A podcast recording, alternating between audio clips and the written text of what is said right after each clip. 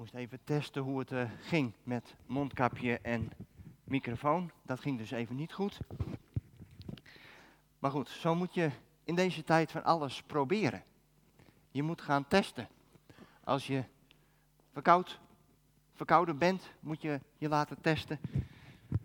Maar op zich vond ik het ook wel mooi dat dit ook wel een manier is, een moment waarop je als gelovige kunt testen. Je kunt jezelf testen, je kunt jezelf beproeven. Je kunt jezelf, omdat je net even wat meer tijd hebt dan anders, eens even naar binnen kijken. En als ik naar mezelf kijk, de afgelopen tijd heb ik dat gedaan. En ben ik toch wel tot een aantal mooie ontdekkingen gekomen over mijn eigen leven, over wie God is, hoe ik in relatie met Hem sta. Ook waar ik aan mag werken. Ik ervaar ook een stukje vrijheid om nu te gaan werken aan een aantal dingen die ik echt best wel heel diep had verstopt. En ik wil jullie eigenlijk uitnodigen, uitdagen om leerling te zijn van de Heer Jezus. Daarom ook vandaag het thema buitensporige genade en discipelschap. We willen als gemeente graag een huis van genade zijn. Deze plek. Of dat nu deze fysieke plek is, hier in de zaal, of thuis via de camera. We willen als gemeente een open deur zijn, een huis van genade. Welkom voor de ander, welkom voor de naaste, omdat wij welkom zijn bij Vader. En wat mij zo ontzettend aansprak, en dat is een tekst die we vaak maar op één zondag in het jaar lezen, maar ik wil hem vandaag opnieuw lezen. Matthäus hoofdstuk 28, vers 1. Dan lezen we over de opstanding van de Heer Jezus. En vandaag wil ik daar graag iets bijzonders, juist net in deze tijd over zeggen. We gaan vandaag drie teksten lezen. En als je thuis meekijkt straks, dan mag je dat alvast opzoeken. Matthäus 28, vers 1 tot 6. Matthäus 28, vers 18 tot 20. En 2 Petrus 1, vers 3 tot en met 8. Maar eerst Matthäus 28, vers 1. En ik lees het uit de herziene statenvertaling. Laat na de Sabbat, toen het licht begon te worden, op de eerste dag van de week, kwamen Maria van Magdala en de andere Maria om naar het graf van de Heer Jezus te kijken. En zie, er vond een grote aardbeving plaats, want een engel van de Heere, die uit de hemel neerdaalde, ging erheen, rolde de steen van de opening weg en ging erop zitten. Zijn gedaante was als een bliksem en zijn kleding wit als sneeuw. De bewakers beefden van angst voor hem en werden als doden. Maar de engel antwoordde en zei tegen de vrouwen: U hoeft niet bevreesd te zijn, want ik weet dat u Jezus zoekt, die gekruisigd was. Hij is hier niet, want hij is opgewekt, zoals hij gezegd heeft. Kom, zie de plaats waar de Heere gelegen heeft.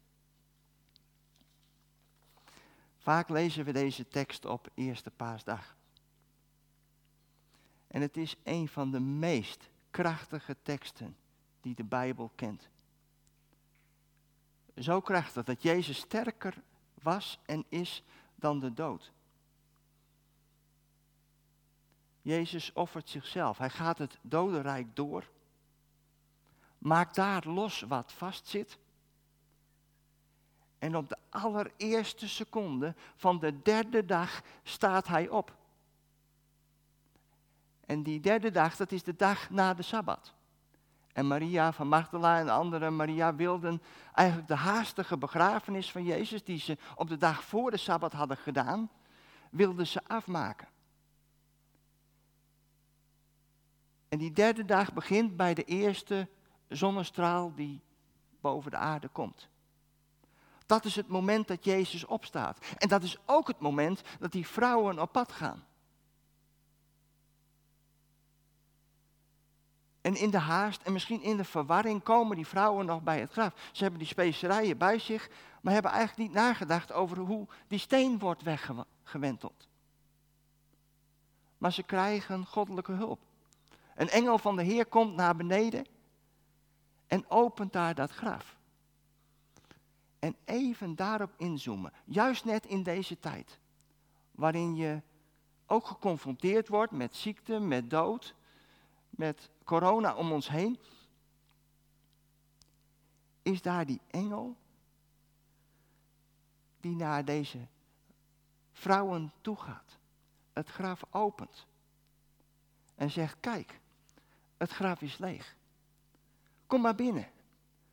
Kom maar binnen en kijk naar de plaats waar de Heer Jezus gelegen heeft. Het is leeg, hij is hier niet, hij is opgestaan. Precies zoals hij gezegd heeft. En dat wil ik meegeven als bemoediging. In onze pijn, in onze nood, komt Jezus dichtbij en komt Hij ons tegemoet. Zoals Hij hier op de opstandingsdag doet. Hij opent het graf om te laten zien dat het leeg is. In zijn genade komt Jezus de vrouwen tegemoet. God laat op een indrukwekkende manier zien dat Hij een genadige God is. En als dat het eerste is wat God doet, na zijn lijden, sterven en opstanding, naar mensen toekomen, dan laat dat iets prachtigs zien van Gods karakter. Juist vandaag, juist nu. God komt dichtbij. Bij God is er geen afstand. God komt dichterbij dan die anderhalve meter. En de vraag is, laat je dat toe?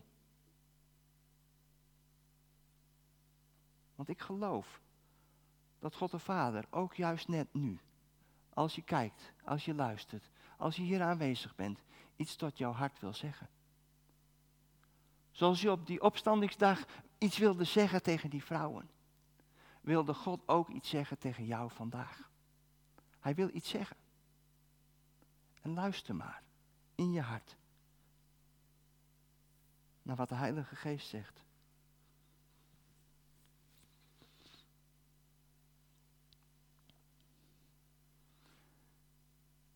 Dan maken we een kleine sprong in dit hoofdstuk. Matthäus 28, vers 18 tot 20.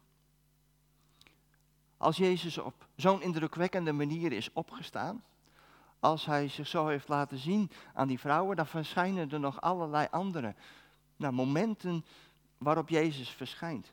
Maar dan komt dat moment van afscheid. En wat zeggen wij als wij afscheid nemen?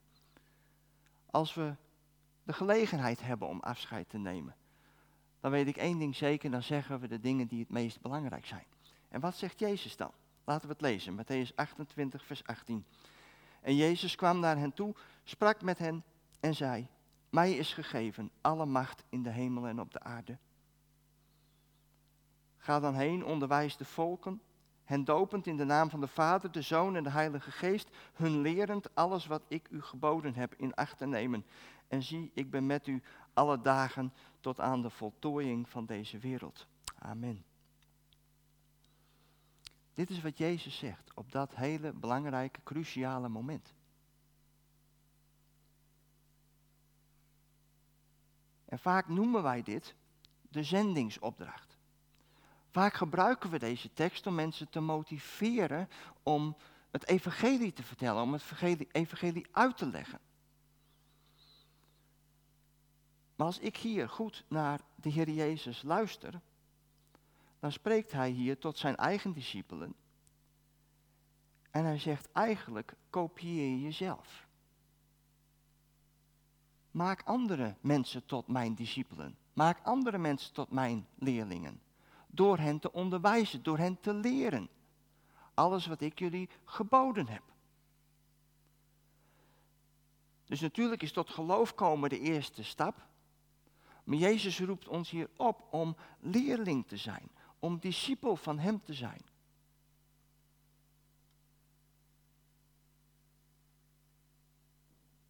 Wat ik ook bijzonder vind, dat als Jezus dit al zegt, als Jezus hier die opdracht geeft, dan klemt hij dat als het ware in tussen twee teksten. De eerste, mij is gegeven alle macht in de hemel en op de aarde. Dat is waarheid.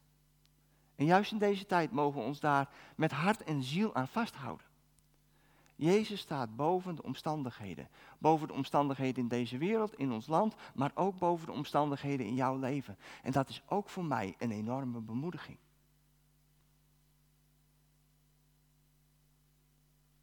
Maar met dat hij hier zegt, mij is gegeven alle macht in de hemel en op de aarde, heeft hij het hier ook over de kosmische strijd die er is tussen licht en duister. Tussen God en zijn tegenstander. En in die context geeft Jezus die zendingsopdracht. Geeft Jezus die opdracht om discipelen te maken. En dan wat zegt hij daar daarbij? Zie, ik ben met u alle dagen tot aan de voltooiing van de wereld. Ook daar weer die voltooiing van de wereld, dat die kosmische strijd die daarin genoemd wordt. En eigenlijk zegt Jezus, er is maar één ding belangrijk.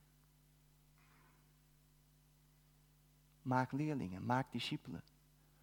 Leer hen te onderhouden wat ik jullie geboden heb. Want dat is de manier hoe je kunt leven.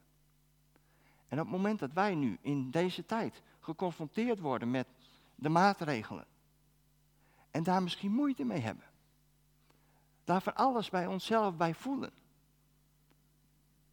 dan mag dat je eigenlijk aanmoedigen om een stap te zetten in discipelschap. Want Jezus is niet. Ja, die noemt hier die strijd. Die weet dat er strijd is. En hij geeft tegen zijn discipelen de opdracht: groei maar in dat discipelschap. Want dat is het antwoord. En dan is de vraag vanmorgen: waar sta jij op die weg van discipelschap? Misschien wil je vandaag beginnen. Misschien ben je even gaan uitrusten. Misschien ben je op de weg terug.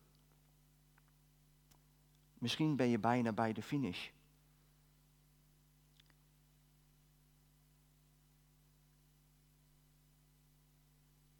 En kijk eens in gedachten achterom. Hoeveel discipelen volgen jou? Want als Jezus hier in Matthäus 28 zegt, maak discipelen. Dan kun jij aan, door even achterom te kijken, kun je zien hoeveel mensen jou volgen hoeveel mensen door jouw leven heen discipel van de Heer Jezus zijn geworden. Daarin groeien, daarin leren.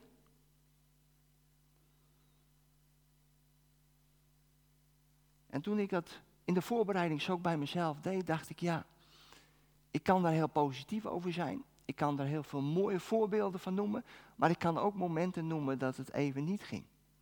Dat ik even moest zoeken waar mijn discipelen waren. En wat mij hielp bij deze voor mij toch wel confronterende vraag was 2 Petrus hoofdstuk 1. Omdat daar iets prachtigs staat over het leven van een discipel. Sowieso helpt Petrus mij als het gaat over discipelschap. Want als hij nou het voorbeeld is van een discipel, dan denk je nou, mooi.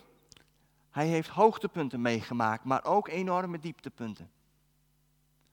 En ik kan me daar wel mee identificeren. Met aan de ene kant die hoogtepunten die misschien iets minder hoog waren als bij Petrus. En ik kan me ook wel identificeren met die dieptepunten. Petrus helpt mij omdat zijn vallen, opstaan, dynamiek, fouten, maar ook zijn onbegrensde passie mij inspireren.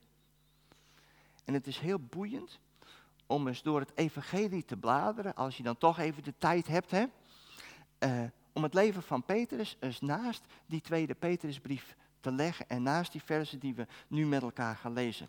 2 Petrus 1, vers 3 tot 8.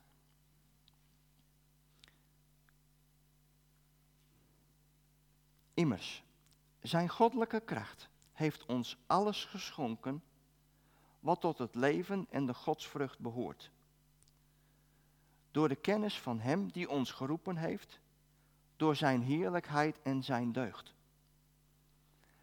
Daardoor heeft Hij ons de grootste en kostbare beloften geschonken, opdat u deel zou krijgen aan de goddelijke natuur nadat u het verderf, dat het door de begeerte in de wereld is, ontvlucht bent. Daarom moet u zich met alle inzet toeleggen om aan uw geloof deugd toe te voegen en aan de deugd kennis. Aan de kennis zelfbeheersing, aan de zelfbeheersing volharding, aan de volharding godsvrucht, aan de godsvrucht broederliefde en aan de broederliefde liefde voor iedereen. Want als deze dingen bij u aanwezig zijn en toenemen, zullen ze u niet doelloos en onvruchtbaar laten, wat de kennis van onze Heer Jezus Christus betreft. In deze tekst zie je als het ware een bijzondere keten, een bijzondere schakel. Een keten van verschillende schakels die met elkaar verbonden zijn. En als het ware één geheel maken. En ik moest nadenken over een soort keten in de vorm van een grondboor. Een keten die naar beneden toe gaat. En als je die gebruikt, als je daaraan draait, dat die steeds dieper gaat. En het begint in vers 3. We hebben alles ontvangen voor een buitengewoon leven. Een leven van godsvrucht, zoals het hier genoemd wordt. En eigenlijk is het leven van godsvrucht, als je door de Bijbel heen bladert, is dat het ware leven. Zo heeft God het leven bedoeld. Verbonden met God als Vader, verbonden met zijn kostbare beloften en de Heilige Geest als onderpand van al die beloften. En het hielp mij dus om door deze tekst te bladeren van waar sta ik? Want die schakels die hier benoemd worden, zijn als het ware een keten die je kunt ja, toepassen, kunt bekijken op je eigen leven. Waar sta ik? Het begint met geloof. Het begin en het fundament van het echte leven. Ons leven met Jezus begint met geloof. Dat is de eerste stap. En de vraag is, heb je die stap gezet? Heb je ja gezegd tegen de Heer Jezus? Heb je gezegd, ik beantwoord dat geloof? Dan is de tweede stap, de tweede keten in deze, of deze tweede schakel in deze keten, is de deugd. En deugd gebruiken we niet meer in ons dagelijks taalgebruik. Maar eigenlijk is dat een rechte houding tegenover God. Op het moment dat je tot geloof gekomen bent, dat je in relatie komt met de Heer Jezus, kom je natuurlijk in elkaars nabijheid. Ga je elkaar aankijken. Ga je elkaar in de ogen kijken. En als je in een relatie bij elkaar bent en je kijkt elkaar in de ogen, dan ben je eerlijk. Dan ben je eerlijk over je eigen leven. Dan ben je eerlijk over wat anders moet. Dan ben je ook ja, vergevingsgezind naar jezelf en naar anderen. Maar door die houding kom je bij die volgende schakel in de keten, de kennis. Een groeiende persoonlijke relatie met Jezus. Praktisch inzicht voor de rechte weg van elke dag. Vanuit die relatie, vanuit dat je elkaar in de ogen kijkt, krijg je moed om de volgende stap te zetten. Om recht te wandelen. En we weten dat we daar ook de volgende schakel voor nodig hebben: zelfbeheersing. Namelijk het gebonden zijn van de hele mens aan de wil van God en bereid zijn Hem te dienen. Vanuit die zelfbeheersing komt die volharding het moedig stand houden in die strijd. En dan zie je dus dat door geloof, deugd, kennis, zelfbeheersing, volharding uiteindelijk godsvrucht ontstaat. Het echte leven zoals wij bedacht en gemaakt zijn. En vanuit die godsvrucht ontstaat, zegt deze tekst, de broederliefde. De Philadelphia.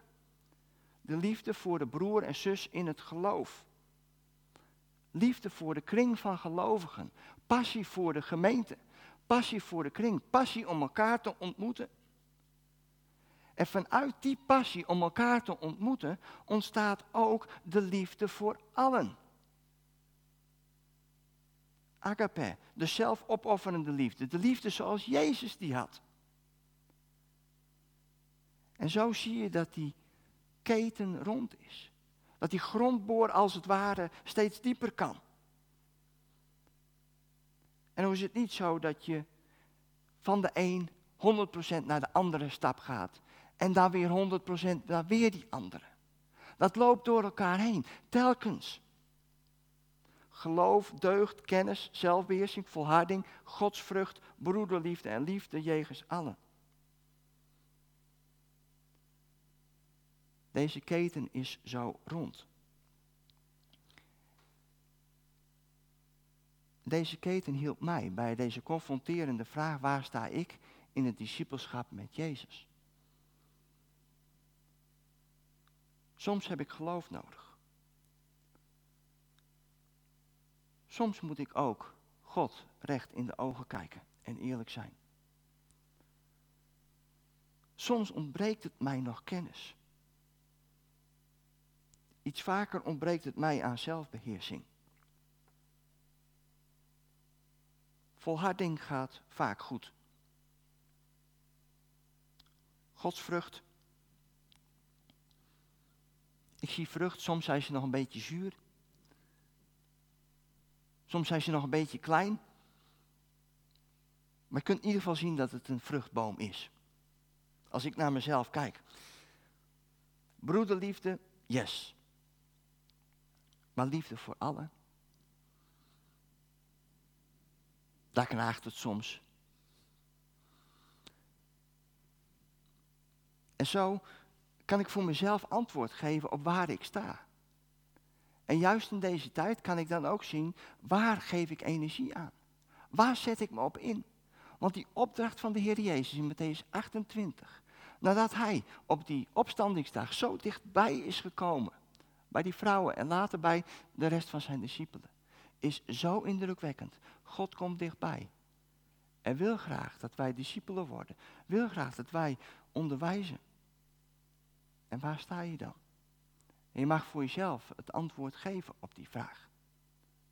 En ik geloof dat de Heilige Geest klopt aan de deur van je hart. Dat al lang duidelijk heeft gemaakt. En dan wil ik je aanmoedigen om met de Heer Jezus die stap te zetten. Want één ding is zeker. Op het moment dat Petrus op die opstandingsdag de Heer Jezus ontmoet. Hij is aanwezig bij die zendingsopdracht. Op het moment dat hij dan vervolgens die brieven schrijft, is hij zoveel stappen verder met Jezus gegaan, dat hij een onverwoestbaar geloof heeft. Daar waar hij eerst Jezus nog verlogende, sterft hij uiteindelijk met de Heer Jezus. Omdat hij zo diep van binnen ervan overtuigd is, dit is het leven wat God mij heeft gegeven. En dat is het allerbelangrijkste. De keten is rond. Het begint met geloof en het eindigt met de liefde van Jezus. En mag ik aan jou, mag ik aan u vragen, waar sta jij? Zo'n moment bidden.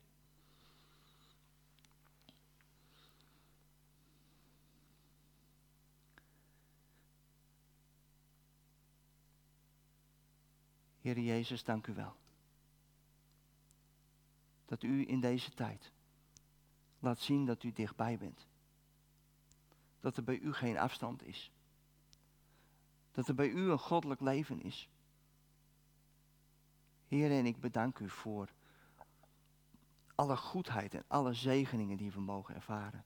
Juist ook als we uit uw woord lezen. Dank u wel dat u naar ons toekomt. Heer, en dat er bij u geen afstand is. Sterker nog, u hebt woning gemaakt in onze harten. dank u wel dat u dat als God, als Vader, als Zoon, als Heilige Geest doet. En dat uw belofte van dat u alle macht hebt in de hemel en op de aarde. En dat u daarbij bent alle dagen tot aan de voltooiing van de wereld. Dat dat nu opnieuw realiteit mag zijn in onze levens. En dank u wel dat we als discipelen op weg mogen gaan. En in die discipelschap, in die reis die we met u gaan, Heer Jezus, ontdekken we steeds meer van uw genade. Dank u wel daarvoor. Dank u wel voor wie u bent. Dank u wel voor wie wij zijn. Dank u wel dat u ons hebt gezegend met talrijke geestelijke zegeningen. En ik bid, Heer, dat alles wat u in ons gelegd hebt, dat, dat er uit mag komen tot, ja, voor de bouw van uw koninkrijk, voor de bouw van uw gemeente, voor het licht op de berg, wat juist nu meer dan ooit nodig is. En ik bid u, Heer, als we voor onszelf naar binnen kijken en dan die keten van schakels zien, in 2 Petrus hoofdstuk 1, dat we eerlijk zijn. Dat we u als het ware recht in de ogen kijken. En dat we antwoord geven. Waar het beter kan. En dank u wel dat u met uw goddelijke kracht dat dan aanmoedigt. En ik bid u, heren, voor iedereen die hier in deze zaal zit, maar ook die thuis luistert, dat u tot ons hart blijft spreken. Welke stap we mogen zetten. Hoe we in beweging komen, mogen komen. Met uiteindelijk dat doel, dat prachtige doel, dat we mogen uitblinken in liefde voor allen. Dank u wel voor dit moment. Dank u wel voor uw zegen in Jezus naam. Amen.